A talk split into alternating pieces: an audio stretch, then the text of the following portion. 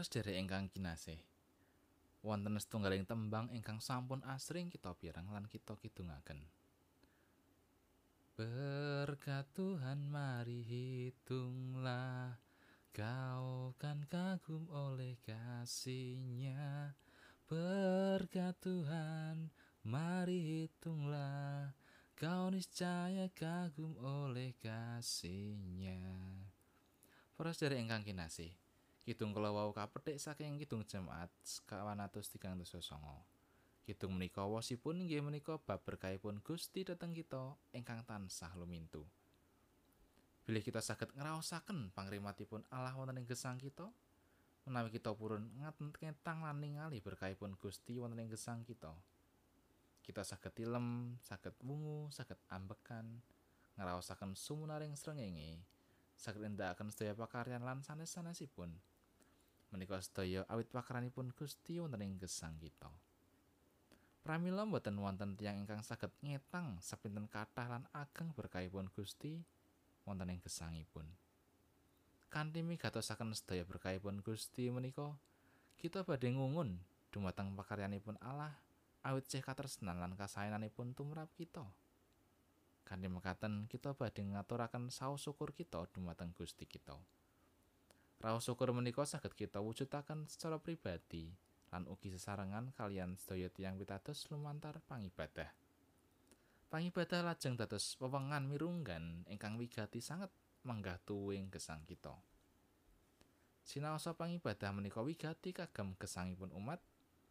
Kathah tiyang pitados ingkang nindakaken pangibadah namung krana kapeksa lan boten saking krenteking manahipun. Pramila pangibadah sanes wujuding saos syukur lan saos urmat dumateng Gusti. Menawi ingkang dipun lampahi kados mekaten menika, tiyang boten badhe ngraosaken pepanggihanipun kalian Gusti lan boten saged ngraosaken endahipun pepanggihan kalian pasamuan sanesipun. Mila nalika wangsul saking ibadah boten wonten bentenipun kalian nalika dumugi dhateng gereja. Para sedherek ingkang kinasih, lumantar wawasan kepisan kala wau kita saged ningali kados pundi bangsa Israel saestu mbetahaken Gusti Allah wonten ing gesangipun. Mirungganipun nalika uwal saking Mesir tumuju dhateng Kanaan. Rikala semanten bangsa Israel dumugi ing Rafidim ing riku sami yasa kemah ananging wonten tlatah menika mboten wonten toya. Awit saking menika tiang-tiang Israel sami duka dumateng Nabi Musa. Awit sami nggadahi pemanggih Bilih tumindakipun Musa ngwalaken bangsa menika saking Mesir, menika kepara ndadosaken bangsa menika nandhang kasangsaran, kasisahan lan pepecah. Nabi Musa lajeng ndedonga dumateng Gusti Allah, ngaturaken menapa ingkang dados pasambat tiang-tiang menika. Gusti Allah paring dawuh dhateng Nabi Musa supados tindak dhateng ardi parang ing Horeb kanthi ngasta teken lan ugi mbrek para pinesepuing bangsa Israel awit wonten ing riku Gusti Allah bakal ngetingalaken musisatipun awujud pangrimat tumrap umatipun kanthi maringaken toya saking ardi parang ing Horeb menika. Menapa ingkang dipun tindakaken dening Allah menika dados bukti bilih Gusti mboten badhe nilaraken umatipun. Gusti tansah pirsa menapa ingkang nembe karaosaken dening umatipun. Gusti tansah nyawisaken menapa ingkang dados kabetaning gesangipun umat Israel. Sami kalian menapa ingkang kasrat wonten ing kitab pangentasan? Sang juru Mazmur ugi ngraosaken kados pundi pangrimatipun Gusti Allah ingkang boten nate nilar umatipun. Wiwit jaman uwalipun bangsa Israel saking Mesir ngantos jamanipun para juru Mazmur lan salami-laminipun. Awit saking menika piyambakipun mberek bangsa Israel sami ngaturaken pamatur nuwun dumateng Gusti Allah.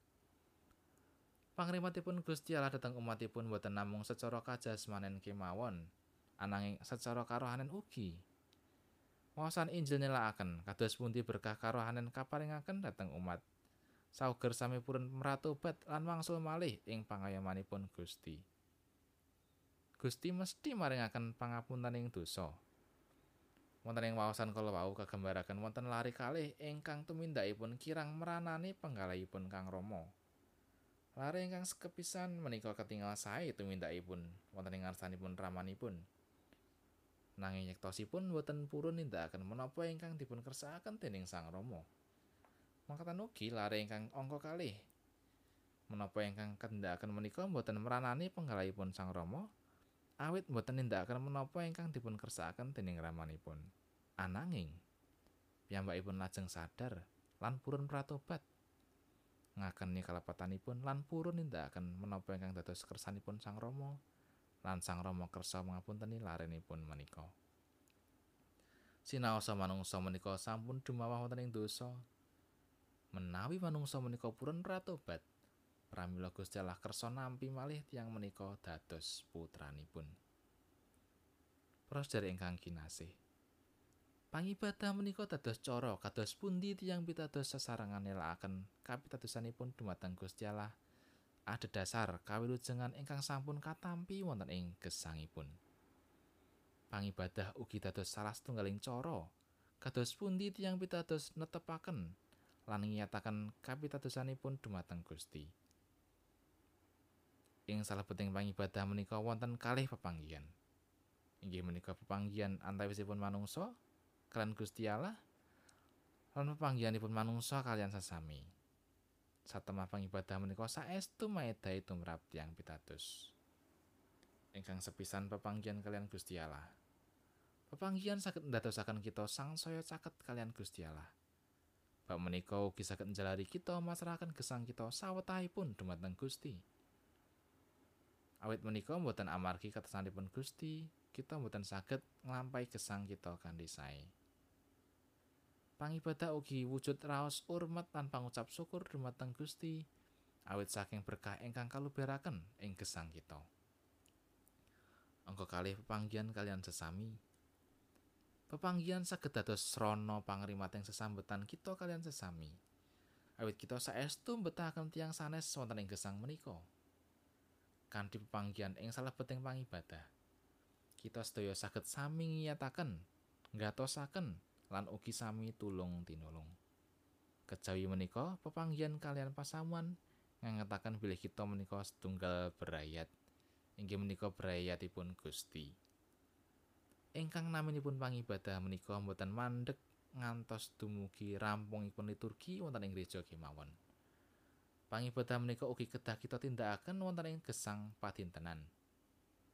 Saya menika wonten ing satengahing berayat menapa wonten ing setengahing masyarakat. Ing satengahing pepanggihan kalian berayat lan masyarakat, piwulangipun Rasul Paulus dhateng pasawan ing Filipi lumantar gambaran gesangipun Gusti Yesus Kristus kedah kita gatosaken kanthi saestu. Para umat kabarek supados sami sarujuk, tunggal katresnan, tunggal budi, tunggal setya, sepi ing pamrih utawa pangalembono kang tanpa guna nanging kedah andhap asor. Gusti Yesus ugi sampun nyuwungaken sareranipun ingkang boten mapanaken diri sejajar kalian Allah ananging kersa ngasoraken diri lan mapanaken diri sejajar kalian abdi. Nalika babak menika saged kita tindakaken nalika kita sesrawungan kalian berat lan masyarakat pramila badhe nuwuhaken gesang ingkang sangsaya raket setunggalan setunggalipun. Awit saking menika sumangga kita sami ngibadah kanthi gumolonging manah kita lan ngraosaken panggihan kita kalian Gusti lan sesami kanthi mekaten pangibadah ingkang kita lampahi saged ndadosaken ewah-ewaning gesang kita. Sasampunipun ngibadah, sumangga saos syukur kita dhateng Gusti kita wujudaken kanthi tumomen ing gesang pendhenan kanthi katresnan. Kanthi pangibadah kita sangsaya caket kalian Gusti lan sangsaya raket kalian sesami. Amin.